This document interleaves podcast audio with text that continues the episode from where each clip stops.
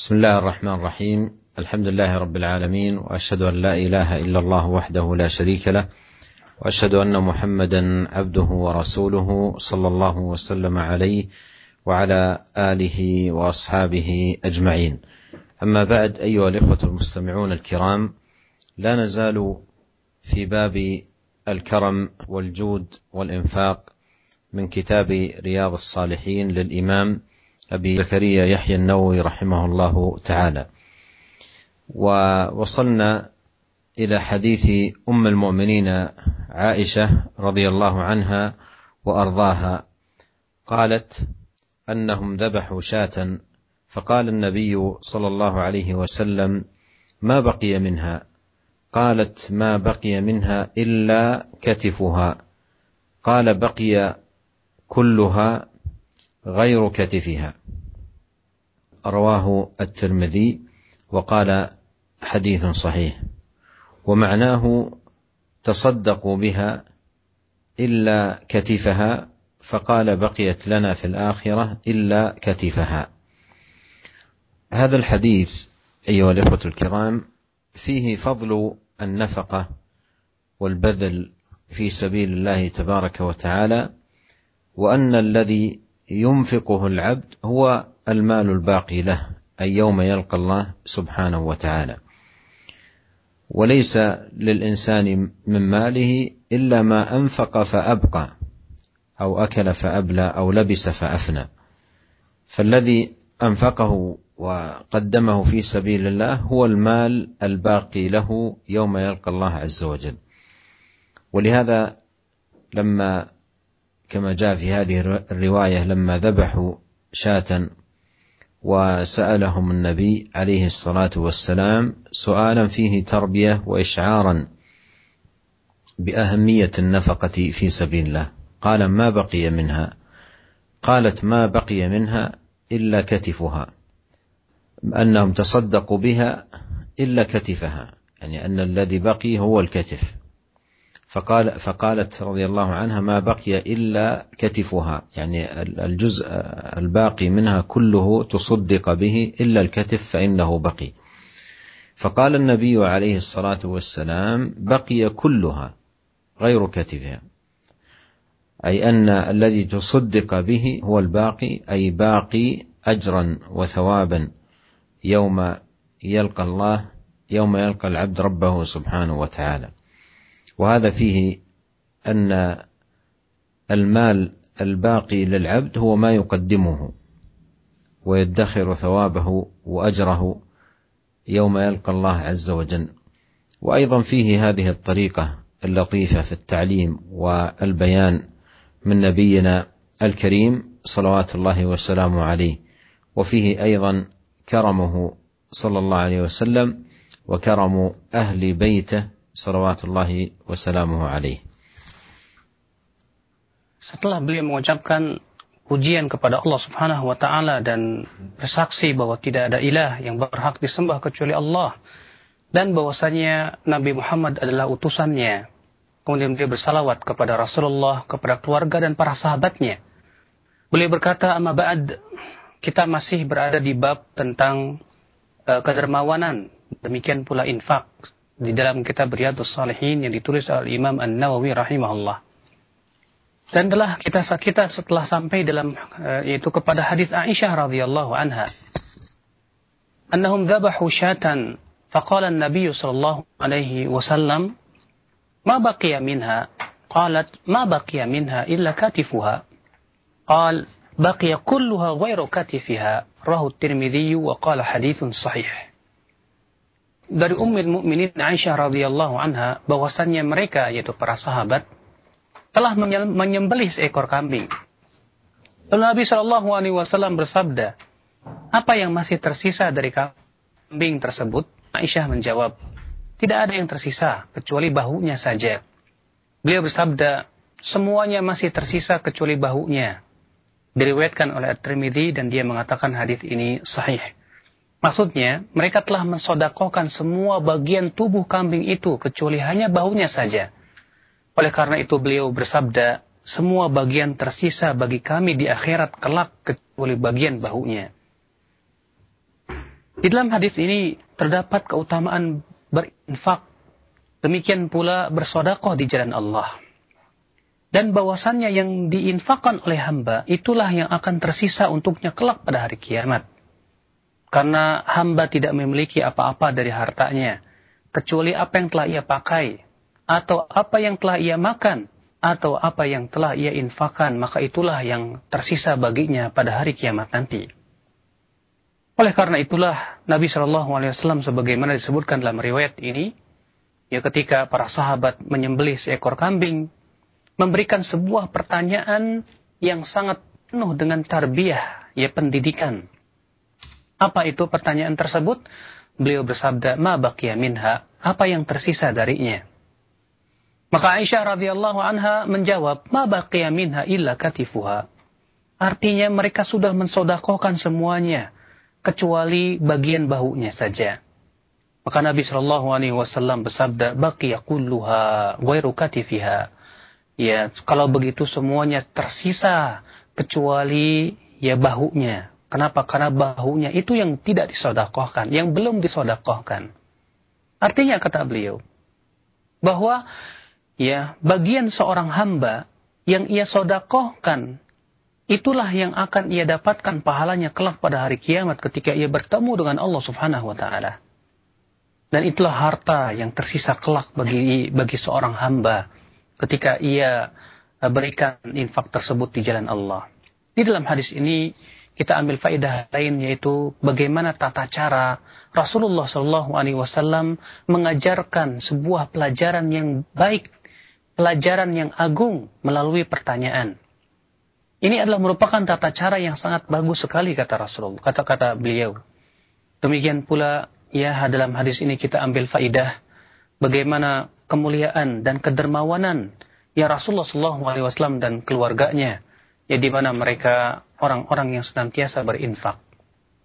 ثم أورد حديث أسماء بنت أبي بكر الصديق رضي الله عنهما قالت قال لي رسول الله صلى الله عليه وسلم لا توكي فيوكى فيوكى عليك.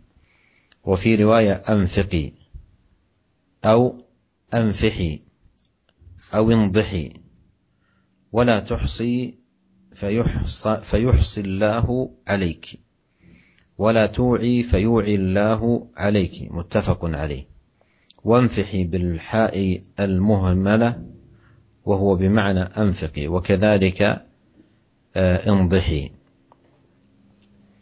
وهذا الحديث كسابقه فيه الحث على الصدقة والبذل في سبيل الله. سبحانه وتعالى.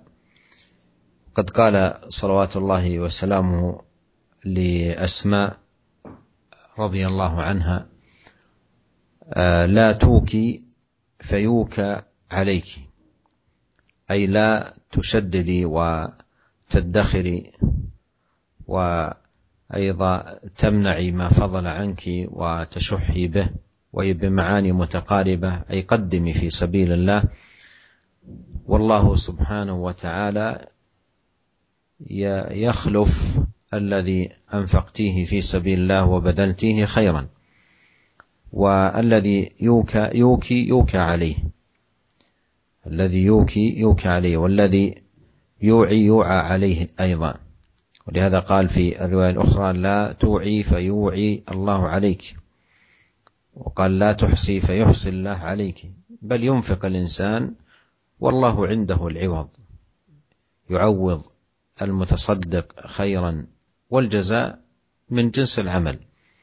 فمن منع الحق الواجب عوقب بأن يضيق عليه ومن بذل فإن بذله سيكون سببا بإذن الله تبارك وتعالى في زيادة ماله لأن الصدقة كما مر معنا سابقا لا تنقص المال بل تزيده كما تقدم في حديث أبي هريرة رضي الله عنه ما نقصت صدقة من مال Kemudian hadis selanjutnya adalah hadis Asma binti Abi Bakar As-Siddiq radhiyallahu anhu ia berkata Qala li Rasulullah sallallahu alaihi wasallam la tuki fayuka alaiki وفي رواية أنفقي أو انفحي أو انضحي ولا wala tuhsi الله عليك wala tu'i فيعي الله عليك muttafaqun عليه. dari Asma binti Abi Bakar As-Siddiq radhiyallahu anhu ia bercerita bahwa Rasulullah Shallallahu alaihi wasallam pernah bersabda kepadaku Janganlah kamu menyimpan atau bakhil terhadap hartamu sehingga Allah akan menutupi rezekimu." Dalam riwayat lain disebutkan "Nafkahkan atau infakkan atau sodakohkanlah." Dan janganlah kamu menghitung-hitungnya sehingga Allah akan menghitung-hitung pemberiannya kepadamu. Dan janganlah kamu menakar-nakarnya sehingga Allah menakar-nakar pemberiannya kepadamu. Muttafaqun alaih. Dan kata-kata infahi artinya anfiqi yaitu bersodakohlah demikian pula indahi ya indihi pun juga mempunyai makna yang sama dalam hadis ini sama dengan hadis sebelumnya itu terdapat anjuran untuk bersodakoh dan berinfak di jalan Allah Subhanahu wa taala di mana di sini Rasulullah Shallallahu Alaihi Wasallam bersabda kepada Asma, la tuki fayu kal fayu ka alaiki. Artinya jangan kamu memperberat dirimu, jangan kamu menyimpan-nyimpan, jangan kamu pelit. Ya sebab kalau kamu menyimpan-nyimpan harta kelebihanmu, kalau kamu pelit, ya sesuatu yang kelebihan dari hartamu, maka akibatnya Allah akan ya pelit kepada kamu. Allah akan menahan sebagian rezekinya dari, dari, dari kamu. Dan disebutkan dalam riwayat yang lain dengan lafaz fayukillahu alaik. Ya, artinya Allah akan yang mencegah sebagian rezekinya. Allah akan mencegah rezekinya kepada kamu disebabkan kamu mencegah ya rezeki kamu kepada manusia untuk diinfakkan kepada mereka. Maka seharusnya seorang manusia kata beliau berusaha untuk berinfak menginfakkan kelebihan harta dia, maka Allah lah yang akan mengganti dia dan pembalasan itu sesuai dengan jenis perbuatannya. Siapa yang mencegah hartanya dari fakir miskin, Allah akan cegah pemberian kepada dia. Dan siapa yang memberikan rizki, sebagian rizkinya kepada fakir miskin, maka barangkali itu menjadi sebab ia akan bertambah hartanya. Ya karena telah kita pelajari kata beliau bahwa sodako itu tidak akan pernah mengulangi harta. Ya bahkan sodako itu menambah harta. Sebagaimana disebutkan dalam hadis. Ya wala tunskis sodakotun min mal. Bahwa sodakoh tidak akan mengurangi harta sama sekali. ثم أورد حديث أبي هريرة رضي الله عنه أنه سمع رسول الله صلى الله عليه وسلم يقول مثل البخيل والمنفق كمثل رجلين عليهما جنتان من حديد من ثديهما إلى تراقيهما. فأما المنفق فلا ينفق إلا سبغت أو وفرت على جلده حتى تخفي بنانه وتعفو أثره. وأما البخيل فلا يريد أن ينفق شيئا إلا لزقت كل حلقة مكانها فهو يوسعها فلا تتسع. متفق عليه.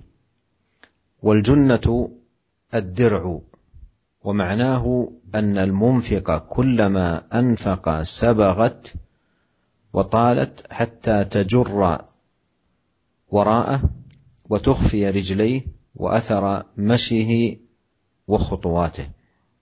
وهذا أيها المستمعون الكرام مثل عظيم ضربه نبينا الكريم صلوات الله وسلامه عليه لبيان حال المنفق في سبيل الله وحال البخيل الذي لا ينفق. ولنتأمل أيها الإخوة المستمعون الكرام لنتأمل هذا حديث أو هذا المثل العجيب في بيان حال البخيل وحال المنفق. قال كمثل رجلين عليهما جنتان. والجنة هي الدرع الذي يتقى به النبل والسهام يستعمل في في القتال. عليهما جنتان. من ثديهما إلى تراقيهما. والترقوة العظم الذي بين النحر والعاتق. العظم الذي بين النحر والعاتق. فهذه أو هذا الدرع والجنة هو يغطي ما بين الثدي إلى الترقوة يعني مسافة قصيرة جدا. فلننظر في أثر النفقة على المنفق وأثر البخل على البخيل. يقول عليه الصلاة والسلام فأما المنفق فلا ينفق أي نفقة إلا سبغت أو وفرت على جلده. أي أن هذا هذا الدرع يبدأ مع النفقة يوفر ويتسع على جلده إلى أن يبلغ إلى أن يخفي بنانه أي أطراف أصابعه ويعفو أثر أي يغطي أثر ممشاه لكونه سابغا وهذا يدل على أن الصدقة يبارك الله سبحانه وتعالى فيها وتكون وافرة على صاحبها وبركة عليه وسببا أيضا لانشراح صدره وراحة نفسه وقرة عينه وسعادته ووفرة ماله. والحديث دليل على أن الصدقة من أسباب انشراح الصدر وأن البخل من أسباب ضيق الصدر.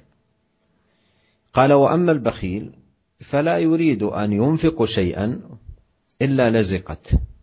كل حلقة مكانها فهو يوسعها فلا تتسع. أي أن هذا من أسباب الضيق. وهذا جزاء من جنس العمل كما تقدم معنا في الترجم في في الحديث الذي قبله. الشاهد أيها الإخوة هذا مثال عجيب جدا ضربه النبي عليه الصلاة والسلام وهو مخرج في الصحيحين ولنتأمله جيدا حتى ندرك الفرق العظيم بين حال المنفق في سبيل الله وحال البخيل. Kemudian beliau membawakan hadis Abu Hurairah radhiyallahu anhu bahwasanya ia mendengar Rasulullah sallallahu alaihi wasallam bersabda, "Matsalul bakhili wal munfiq." Perumpamaan orang yang kikir dan orang yang berinfak adalah seperti dua orang laki-laki yang memakai baju besi yang menutup kedua susunya sampai ke tulang selangkanya. Adapun orang yang berinfak, maka tidaklah dia berinfak melainkan akan berkembang baju besi yang dipakainya itu sampai menutupi seluruh kulitnya, sehingga tidak tampak jari jemarinya dan akan menutupi bekas langkahnya. Sedangkan orang bakhil, maka tidaklah dia hendak menginfakkan sesuatu, melainkan akan semakin kuat lingkaran baju itu menempel pada setiap tempatnya. Dia berusaha melonggarkannya, tetapi baju besi itu tidak mau berkembang. Muttafaqun alaih. Beliau mengatakan dalam hadis ini menunjukkan sebuah perumpamaan yang agung sekali. Menjelaskan bagaimana keadaan orang yang berinfak. Demikian pula ke keadaan orang yang bakhil. Mari kita perhatikan saudara-saudaraku sekalian tentang permisalan yang luar biasa ya agung ini. Di mana Rasulullah SAW memberikan permisalan bahwa ada dua orang. Yang pertama, orang yang berinfak yang dermawan hatinya. Yang kedua, orang yang bakhil. Ya, yang pelit hatinya itu seperti orang yang memakai baju besi. Dan yang dimaksud dengan al-junnah itu adir, yaitu baju besi yang bisa melindungi dirinya dari tombak ataupun panah yang akan yang menyerangnya. Dan baju besi itu menutup di antara bagian dadanya, susunya sampai ke turkuahnya. Dan turkuah adalah sebuah tulang yang ada antara uh, apa namanya nahar dan atik, ya tulang yang ada antara e, bahu ya dari dua bahu dan leher itu adalah disebut dengan turkuah. Nah, baju besi ini menutup antara susu ya seseorang atau dada seseorang sampai kepada turkuah tersebut. Coba kita lihat kata beliau bagaimana Rasulullah SAW memberikan permisalan di sini. Kata beliau, adapun orang yang berinfak, tidaklah ia berinfak kecuali baju besinya menjadi lebar, menjadi ya berkembang ya sampai akhirnya menutupi jari jemarinya sampai bahkan menutupi ya bekas kakinya. Kenapa saking itu semakin melebar dan melebar dan melebar. Ini menunjukkan ya anjuran untuk bersodakoh. Bahwa orang yang bersodakoh itu akan diberkahi hartanya oleh Allah subhanahu wa ta'ala. Bahkan itu sebab munculnya atau datangnya keberkahan dari Allah subhanahu wa ta'ala. Bahkan sodakoh adalah merupakan sebab kebahagiaan. Luasnya dada dan kelapangan dada. Bahkan sebab banyaknya harta seorang hamba. Hadis ini menunjukkan bahwa sodakoh itu adalah sebab lapangnya dada. Sedangkan kebakhilan itu sebab ya hati itu atau dada itu menjadi sempit. Lalu kemudian Nabi Shallallahu Alaihi Wasallam bersabda, wa amal bakhil, adapun orang yang ya pelit, fala yuridu an yunfiqa syai'an illa laziqat kullu halqatin makanaha. Tidaklah ia ingin berinfak kecuali apa yang terjadi, ya baju besinya itu malah semakin sempit. Ya kenapa? Karena bakhil itu menyebabkan kesempitan jiwa, kesempitan dada, Ya, ketika ia mau berinfak, dia berpikir dulu berkali-kali. Ini menunjukkan bahwa pembalasan itu sesuai dengan jenis amal. Maka ini sebuah perumpamaan yang agung sekali kata beliau yang disebutkan dalam Sahihain. Maka cobalah kita perhatikan bersama ya tentang perumpamaan yang agung ini. ثم أورد حديث أبي هريرة رضي الله عنه قال قال رسول الله صلى الله عليه وسلم من تصدق بعدل تمرة من كسب طيب ولا يقبل الله إلا الطيب فإن الله يقبلها بيمينه ثم يربيها لصاحبه كما يربي أحدكم فلوة حتى تكون مثل الجبل. متفق عليه. قال النووي رحمه الله الفلو بفتح الفاء وضم اللام وتشديد الواو ويقال أيضا بكسر الفاء وإسكان اللام وتخفيف الواو وهو المهر. وهذا الحديث فيه فضل النفقة في سبيل الله من الكسب الطيب.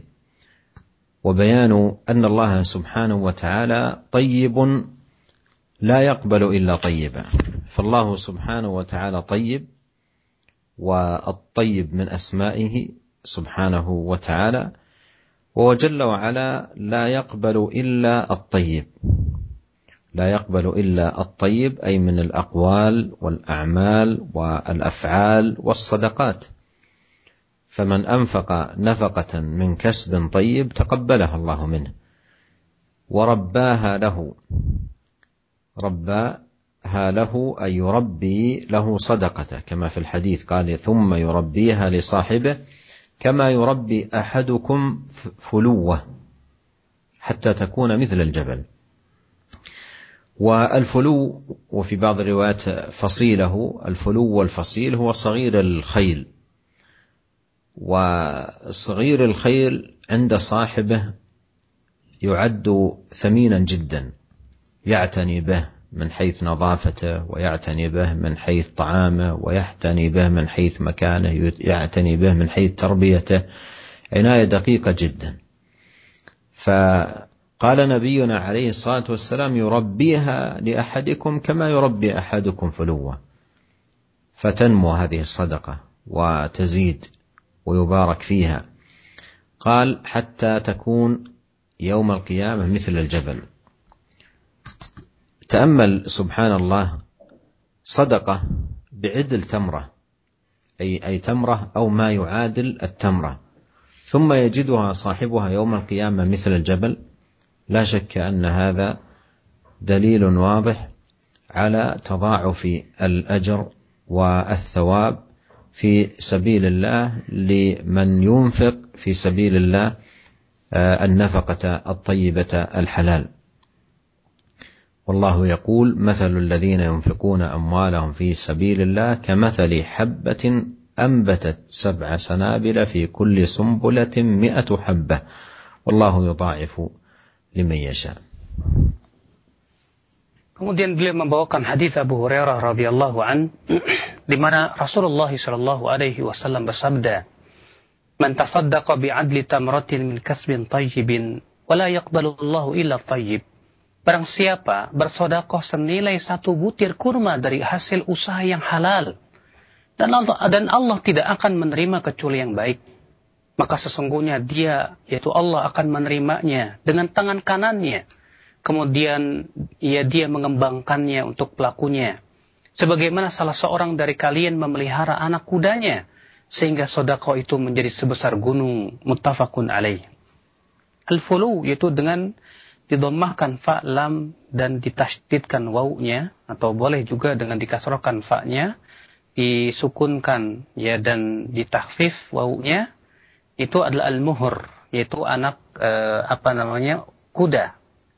Dalam hadis ini kata beliau menunjukkan akan keutamaan ber, memberikan infak dari usaha yang halal, dari usaha yang toyib, dan bahwasanya Allah tidak menerima kecuali yang toyib yang halal. Ya, dan itu dan kata dan toyib adalah merupakan salah satu nama-nama Allah Subhanahu wa taala. Maka Allah tidak menerima dari hamba kecuali yang toyib, yang baik berupa perkataan, berupa perbuatan. Demikian pula sodakoh.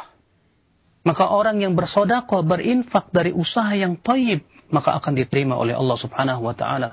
Lalu Allah akan mengembang biakannya. Sebagaimana disebutkan dalam hadis ini ya di mana Allah eh, Rasulullah SAW bersabda ya thumma yurabbiha li sahibiha kama yurabbi ahadukum faluwahu fuluwahu hatta takuna mithlal jabal. Maka ikhwatul Islam azan ya Allah wa yakum ya di mana seseorang yang memiliki anak kuda biasanya itu adalah sesuatu yang berharga sekali bagi pemiliknya. Ia akan memperhatikan makannya, ia akan memperhatikan tempatnya, ia akan memperhatikan uh, pengurusannya, dia akan urus, urus itu anak kuda itu dengan sungguh-sungguh. Demikian pula sodakah. Maka ketika seseorang bersodakoh dari usaha yang halal, Allah akan kembang biakan terus sehingga kelak pada hari kiamat menjadi, menjadi sebesar gunung. Ya coba kita perhatikan subhanallah kata beliau. Bayangkan kata beliau bahwa se, se, apa sebutir kurma yang diinfakkan oleh seseorang dari usaha yang halal. Ternyata pemiliknya orang yang berinfak itu akan mendapatkan kelak pada hari kiamat menjadi sebesar gunung. Bukankah ini merupakan dalil yang jelas dan terang bahwasanya pahala itu dilipat gandakan oleh Allah Subhanahu wa taala? Itu orang yang berinfak dari usaha yang halal Ya sebagaimana Allah Subhanahu wa taala berfirman dalam surat Al-Baqarah, "Matsalul ladzina yunfiquna amwalahum fi sabilillah." Perumpamaan orang-orang yang menginfakkan harta mereka di jalan Allah seperti perumpamaan orang yang menanam satu biji, kemudian tanaman itu kemudian ia tumbuh, lalu kemudian ia mempunyai tujuh tangkai, setiap tangkainya ada seratus dan ya jumlahnya menjadi 700. Wallahu yudha'ifu liman yasha dan Allah melipat gandakan pahala bagi siapa yang Allah kehendaki.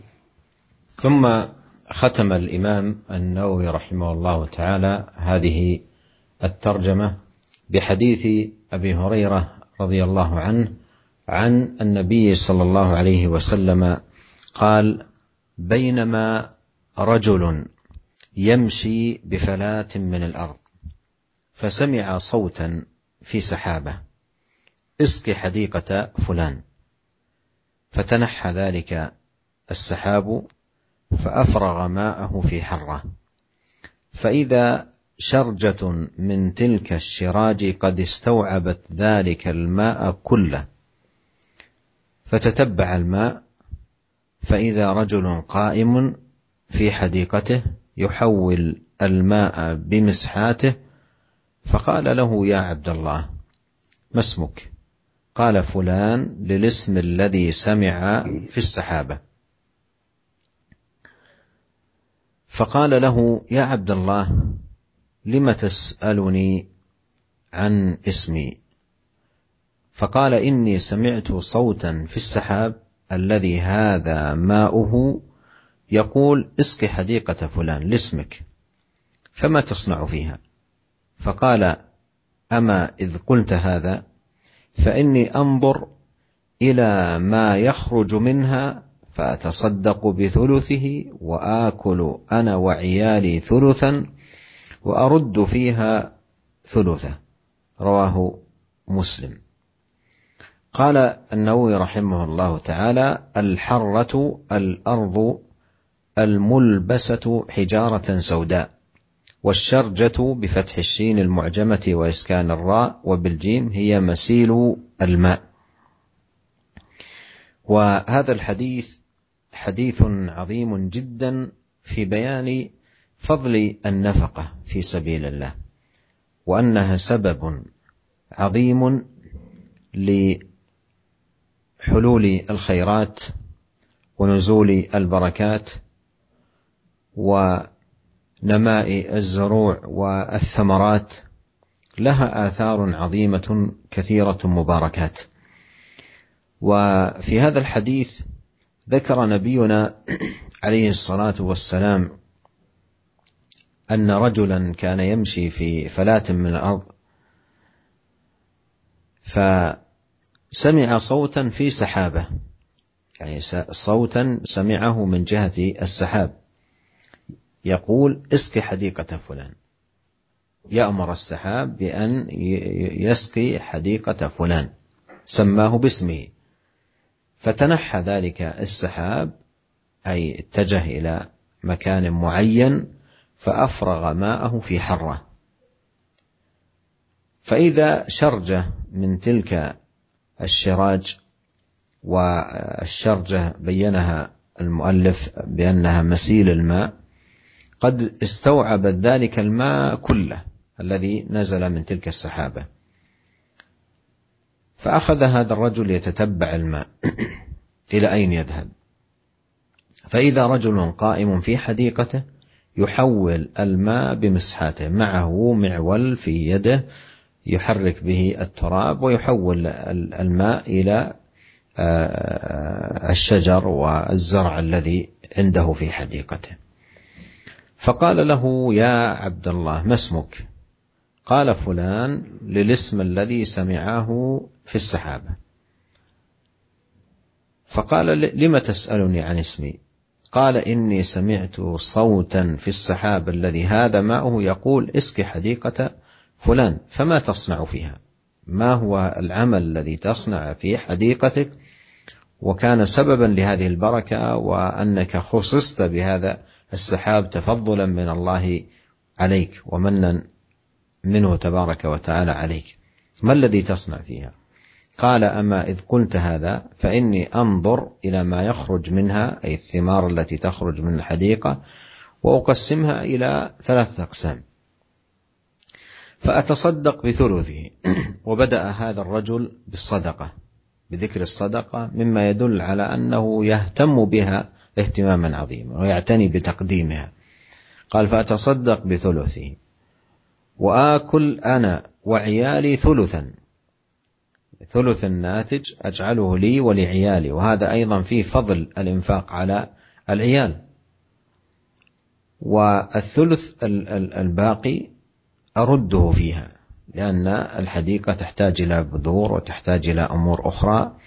فيرد الثلث الباقي في حديقته بحيث أنه قسم الناتج من هذه الحديقة إلى أقسام ثلاثة. قسم للفقراء يتصدق به وقسم له ولأولاده يأكله وقسم يرده في حديقته. فكان هذا الصنيع منه دليل على كرمه وبذله وكان أيضا سببا للبركة العظيمة التي هي بفضل الله أثر من آثار الكرم والجود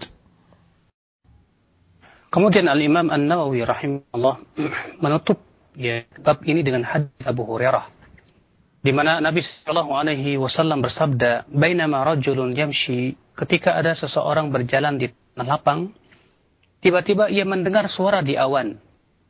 Siramlah kebun si fulan itu.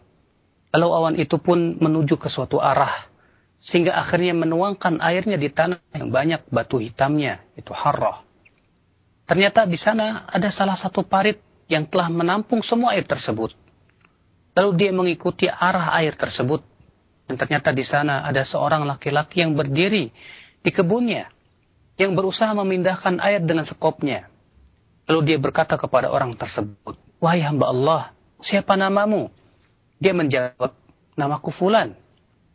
Ternyata nama tersebut namanya sama dengan yang, di, di, di, di, yang terdengar di awan. Kemudian orang itu berkata, Wahai hamba Allah, mengapa kamu menanya namaku?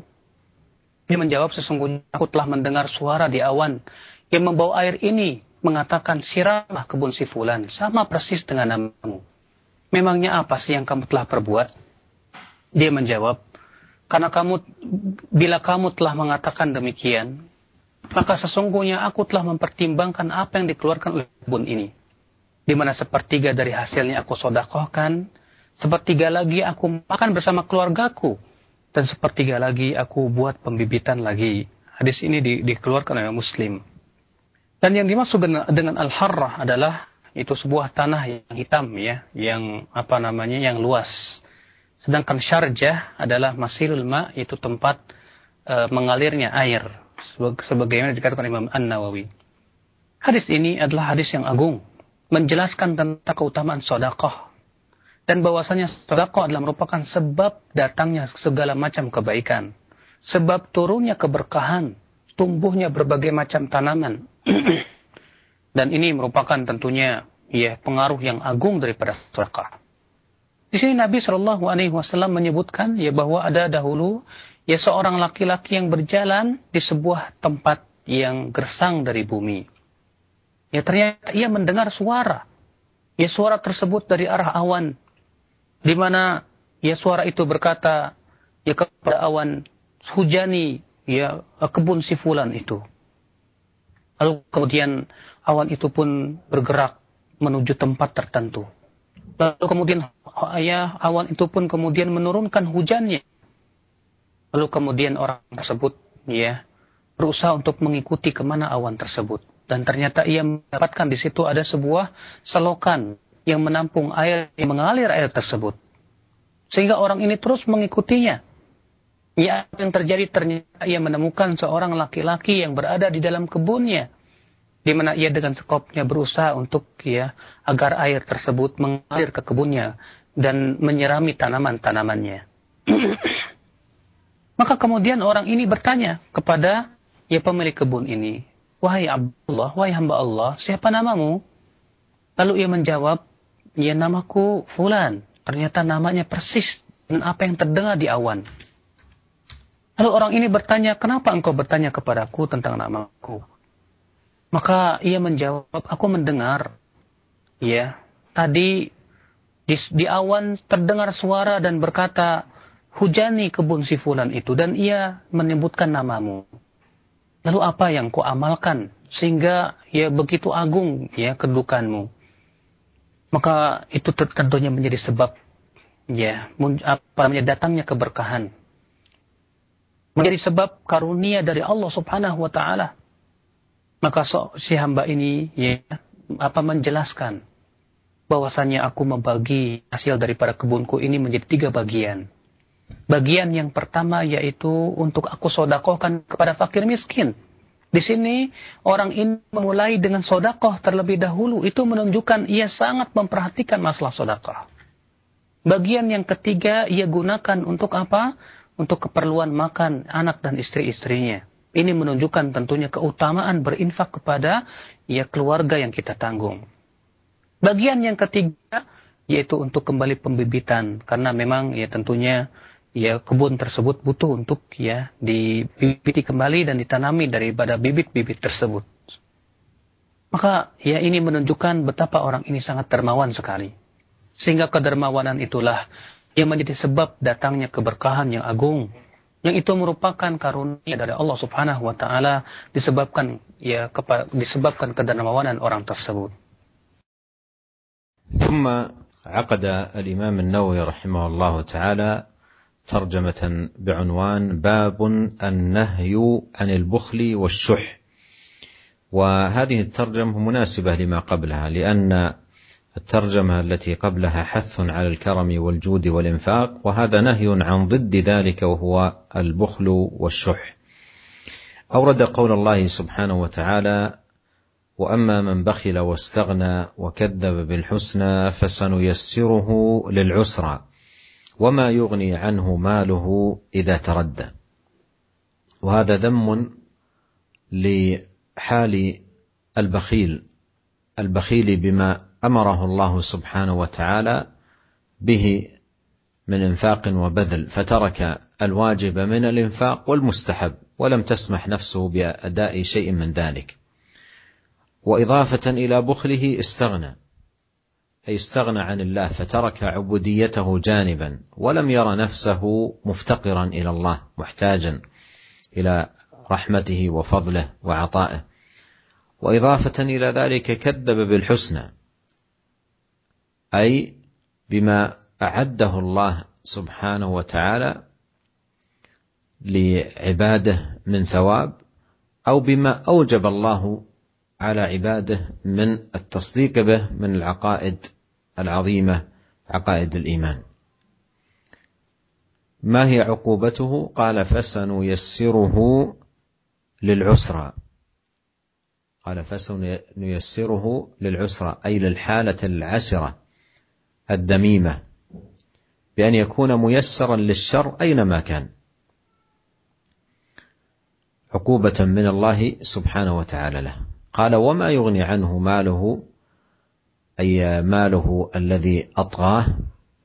واستغنى به عن ثواب الله تبارك وتعالى وما يغني عنه ماله إذا تردى.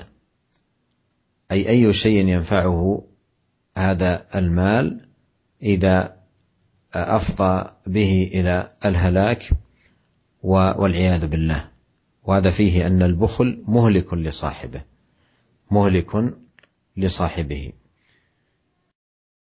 Kemudian beliau membawakan bab larangan untuk bakhil, yaitu pelit dan kikir. Dan ini sangat uh, sesuai sekali dengan bab sebelumnya. Karena bab sebelumnya adalah tentang kedermawanan, sementara bab ini berhubungan dengan ya kekikiran dan bakhilan. Al-Imam Nawawi membawakan ayat di mana Allah Ta'ala berfirman, kadzdzaba bil husna fasanuyassiruhu lil usra wa ma yughni anhu maluhu ida idza taradda. Surat Al-Lail ayat 8 sampai 11. Dan adapun orang-orang yang bakhil dan merasa dirinya cukup serta mendustakan pahala yang terbaik, maka kelak kami akan menyiapkan baginya jalan yang sukar dan hartanya tidak bermanfaat baginya apabila ia telah binasa. Ini merupakan celaan terhadap keadaan orang yang bakhil. Bakhil terhadap apa yang Allah subhanahu wa ta'ala perintahkan berupa berinfak. Baik infak yang bersifat wajib maupun infak yang bersifat sunnah.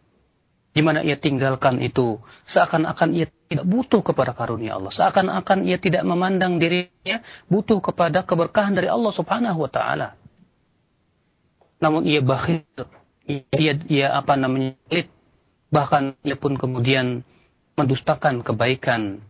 Ya Allah Ta'ala berfirman, wa bil husna. Artinya, ia mendustakan apa yang Allah telah siapkan untuk hamba-hambanya. Atau, ia mendustakan apa yang Allah wajibkan kepada dia untuk membenarkan semua keyakinan-keyakinan yang wajib dia yakini. Maka orang yang seperti ini apa akibatnya? Allah berfirman, "Fasan lil usra." Artinya kami akan mudahkan ia kepada keadaan yang yang sulit. Artinya ia mudahkan kepada segala macam burukan sebagai sanksi buat dia. Ya, kemudian Allah yang mengatakan, "Wa ma yughni anhu maluhu." Padahal hartanya tidak akan memberikan manfaat kepada dia yaitu yaitu harta yang membuat dia melampaui batas, harta yang membuat dia kemudian lupa kepada kepada Allah. Ya idza taradda artinya apabila ya harta tersebut malah membinasakan si hamba, apalah manfaat harta tersebut kepada si hamba tersebut? Itu menunjukkan kata beliau celaan terhadap orang-orang yang bakhil. ثم أورد قول الله سبحانه وتعالى ومن يوق شح نفسه فأولئك هم المفلحون في سورة التغابن. وقبلها حث جل وعلا على الإنفاق قال فاتقوا الله ما استطعتم واسمعوا وأطيعوا وأنفقوا خيرا خيرا لأنفسكم. ومن يوق شح نفسه فأولئك هم المفلحون. ففي الآية حث على النفقات الشرعية واجبها ومستحبها وتحذير من الشح لأن الشح آفة إذا وجدت في النفس منعت من الإنفاق وهي آفة منعت كثيرا من الناس من النفقة المأمور بها والشح جبلت عليه كثير من النفوس. تشح بالمال والشح وشدة الحرص وشدة البخل وتحب بقاءه وتكره خروجه من اليد غاية الكراهة.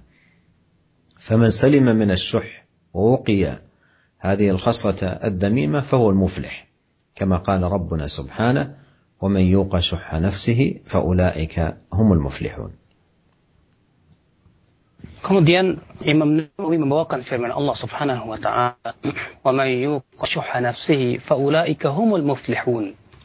Dan siapa yang pelihara dari kekikiran dirinya, maka mereka itulah orang-orang yang beruntung. Di mana sebelumnya Allah berfirman, "Fattaqullaha mastata'tum wa anfiqu ya bertakwalah kalian kepada Allah semampu kalian dan berinfaklah lalu di akhirnya Allah mengatakan wa may yuqashuha nafsihi faulaika humul muflihun dan barang siapa yang berinfak dipelihara dari kekikiran dirinya maka mereka itulah orang-orang yang beruntung. Ayat ini merupakan dalil yang agung. Ya anjuran untuk bersodakoh baik yang wajib maupun yang sunnah. Dan merupakan apa peringatan yang keras dari sifat kikir.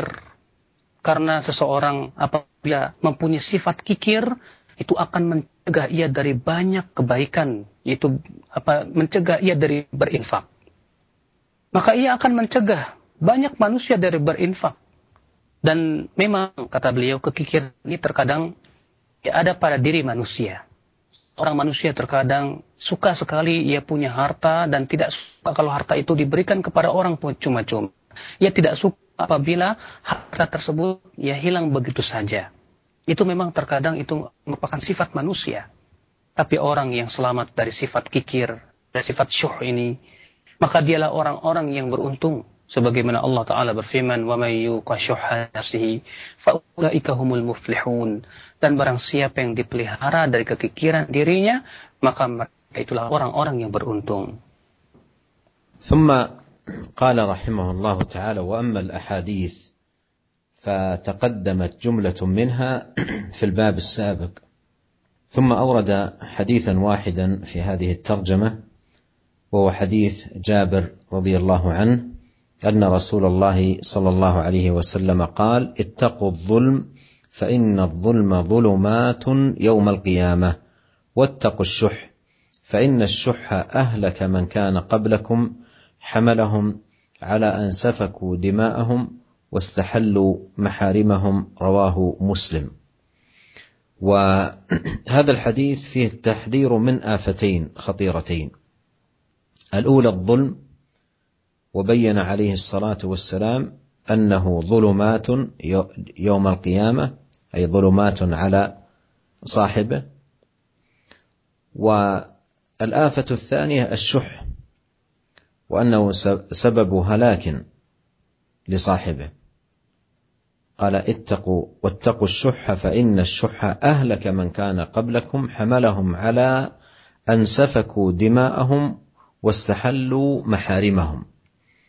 وقوله في الحديث أهلك من كان قبلكم يحتمل أن المراد بالإهلاك أي الذي حصل لهم في الدنيا منهم من أغرقنا ومنهم من خسفنا به الأرض ومنهم من أخذته الصيحة إلى آخره.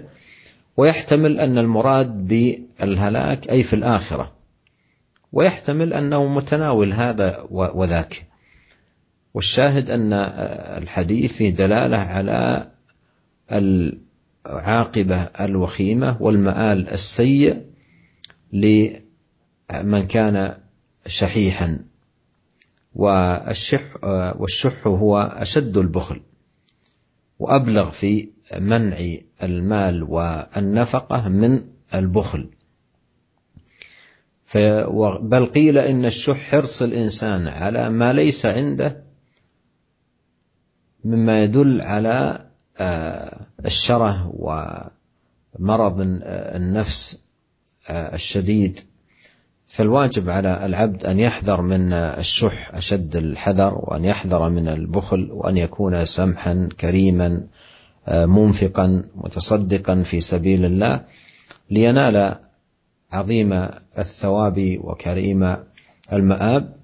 والله سبحانه وتعالى الموفق لهذا ولكل خير نسأله جل في علاه أن يوفقنا أجمعين لما يحبه ويرضاه من سديد الأقوال وصالح الأعمال إنه تبارك وتعالى سميع الدعاء وهو أهل الرجاء وهو حسبنا ونعم الوكيل Kemudian beliau mengatakan, adapun hadis yang membahas masalah ini cukup banyak dan telah disajikan pada bab sebelumnya. Dan di sini Al-Imam An-Nawawi membawakan hanya satu hadis saja, yaitu hadis Jabir bin Abdullah semoga Allah meridainya bahwasanya Rasulullah sallallahu alaihi wasallam bersabda, "Ittaqul dzulma fa innal dzulma dzulumatun yaumal qiyamah. Wattaqus syuhha fa inna syuhha ahlaka man kana qablakum." Hamalahum ala an safaku ima'ahum wastahallu maharimahum rahu muslim. Dari Jabir, semoga Allah meridainya bahwa Rasulullah Wasallam bersabda, takut kalian terhadap kezaliman sebab kezaliman merupakan kegelapan pada hari kiamat kelak. Dan takutlah kalian akan sifat kikir sebab kikir telah membinasakan orang-orang sebelum kalian. Hal itu ya hal itulah yang mendorong mereka untuk melakukan pertumpahan darah dan menghalalkan segala yang haram bagi mereka diriwayatkan oleh Muslim. Hadis ini kata beliau memperingatkan kepada kita dua penyakit yang kronis. Apa itu yang pertama kezaliman di mana Rasulullah menjelaskan bahwa ia akan kelak menjadi kegelapan pada hari kiamat kepada pelakunya. Dan yang kedua adalah syuh, yaitu kekikiran yang sangat. Ia menjadi sebab kebinasaan bagi pelakunya. Ya, di, di mana Rasulullah SAW sabda, ittaku, ittaku syuh, ya jauhi oleh kalian syuh, fa inna syuha ah, syuha ah ahlaka man kana qablakum. Karena ke, ya syuh, bah yang sangat itu telah membinasakan orang-orang sebelum kalian. Apa yang dimaksud dengan membinasakan orang-orang sebelum kalian? Ya bisa jadi maknanya artinya ia dibinasakan di dunia dengan berbagai macam kebinasaan. Ya seperti disebutkan dalam firman Allah, di antara mereka ada yang ditenggelamkan, ya di antara mereka ada yang dibenamkan dan berbagai macam sanksi-sanksi lain yang Allah berikan kepada mereka.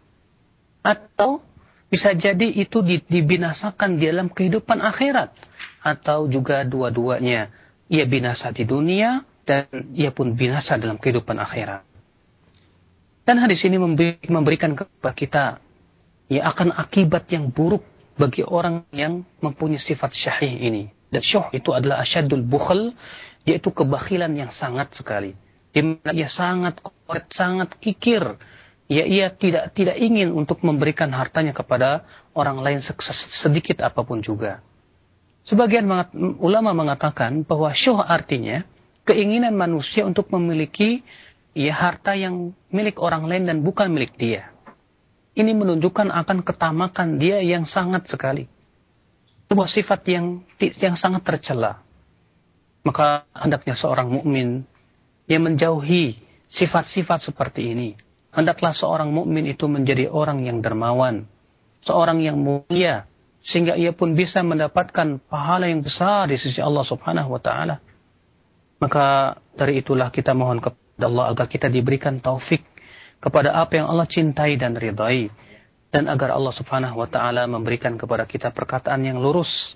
Dan agar ya Allah subhanahu wa ta'ala memberikan kepada kita berbagai macam karunia-Nya karena dialah Allah sebagai tempat harap, bergantung pengharapan kita. Dan uh, Syekh di sini ya menyelesaikan uh, pembahasan kita pada sore hari ini. Tafadhol. Baik, jazakallah khair kami ucapkan kepada Ustaz Abu Yahya Badrussalam Hafizahullah Ta'ala yang telah menerjemahkan dan kepada Syekh kita akan mengangkat satu pertanyaan fi uh, soal ya Syekh dan pendengar saja kami akan angkat satu pertanyaan dari pesan singkat yang sudah masuk masih ada kesempatan baik mengangkat satu pertanyaan Assalamualaikum warahmatullahi wabarakatuh Uh, ya Syekh, mohon penjelasan apakah yang dimaksud dengan sedekah wajib dan apa pula yang dimaksud dengan sedekah sunnah.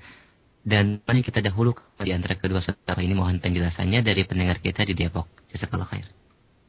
As-sa'il yaqul ya Syekh, ma murad bi sadaqatil wajibah was sadaqatil mustahabbah ayyuhuma nuqaddimu uh, nuqaddimuhuma الصدقة الواجبة هي التي افترضها الله سبحانه وتعالى على عباده وهي فريضة الزكاة. فهذه نفقة واجبة وصدقة واجبة. وأيضا ما ينفقه المرء على أولاده وأهله مما تجب عليه النفقة عليهم هي أيضا صدقة. تكتب له صدقة إذا احتسبها عند الله تبارك وتعالى وقد سبق مر معنا ما يدل على ذلك. فهذه نفقة واجبة. والنفقة المستحبة هو ما يبذله الإنسان ويقدمه للفقراء والمحتاجين من مال أو طعام أو شراب ونحو ذلك فهذه نفقة مستحبة. والنفقة الواجبة أعظم مكانة وأكبر أجرا وما تقرب إلى الله سبحانه وتعالى بشيء أحب مما افترضه وأوجبه على عباده. Beliau menjelaskan bahwa sodakoh yang wajib adalah yaitu sodakoh yang Allah fardukan kepada hamba-hambanya, ya berupa zakat. Maka ini adalah merupakan nafkah yang wajib. Demikian pula yang diinfakkan untuk anak-anak dan istrinya. Itu merupakan itu juga perkara yang diwajibkan pada seorang hamba. Ya ketika seorang hamba mengharapkan pahala padanya. Maka itu adalah menjadi sodakoh buat dia. Maka ini adalah merupakan sodakoh yang wajib kata beliau. Adapun sodakoh yang mustahabah, yang sunnah, yaitu yes, harta yang diberikan oleh seseorang kepada kaum fukoro, demikian pula orang-orang yang, yang membutuhkannya, entah itu berupa harta, ataupun makanan, ataupun yang lainnya. Maka ini adalah perkara yang sunnah. Dan tentunya, eh, nafkah yang wajib itu lebih utama, lebih agung, dan lebih dicintai oleh Allah subhanahu wa ta'ala. Dan Allah lebih menyukai ya amalan yang wajib daripada yang sunnah. Nah. Jazakallah khair pada Ustaz dan Fadil Syekh. لقد انتهى الوقت ونرجو من فضيلتكم الاختتام. بارك الله فيك. نسأل الله عز وجل أن يوفقنا أجمعين لكل خير و ان يتقبل منا بقبول حسن وأن يغفر لنا ولوالدينا وللمسلمين والمسلمات. إنه سبحانه وتعالى سميع مجيب. وإلى لقاء آخر. السلام عليكم ورحمة الله وبركاته. وعليكم السلام ورحمة الله وبركاته. Kemudian beliau menutup kajian kita pada sore hari dengan berdoa. Kita mohon kepada Allah agar kita diberikan taufik kepada setiap kebaikan dan Allah agar Allah menerima segala segala amalan-amalan kita dengan penerimaan yang baik dan agar Allah mengampuni dosa-dosa kita, demikian pula dosa-dosa orang tua kita dan kaum muslimin dan muslimat semuanya. Karena sesungguhnya Allah Subhanahu wa taala Maha mendengar lagi Maha dekat dan insya Allah kita akan bertemu kembali pada pertemuan yang akan datang.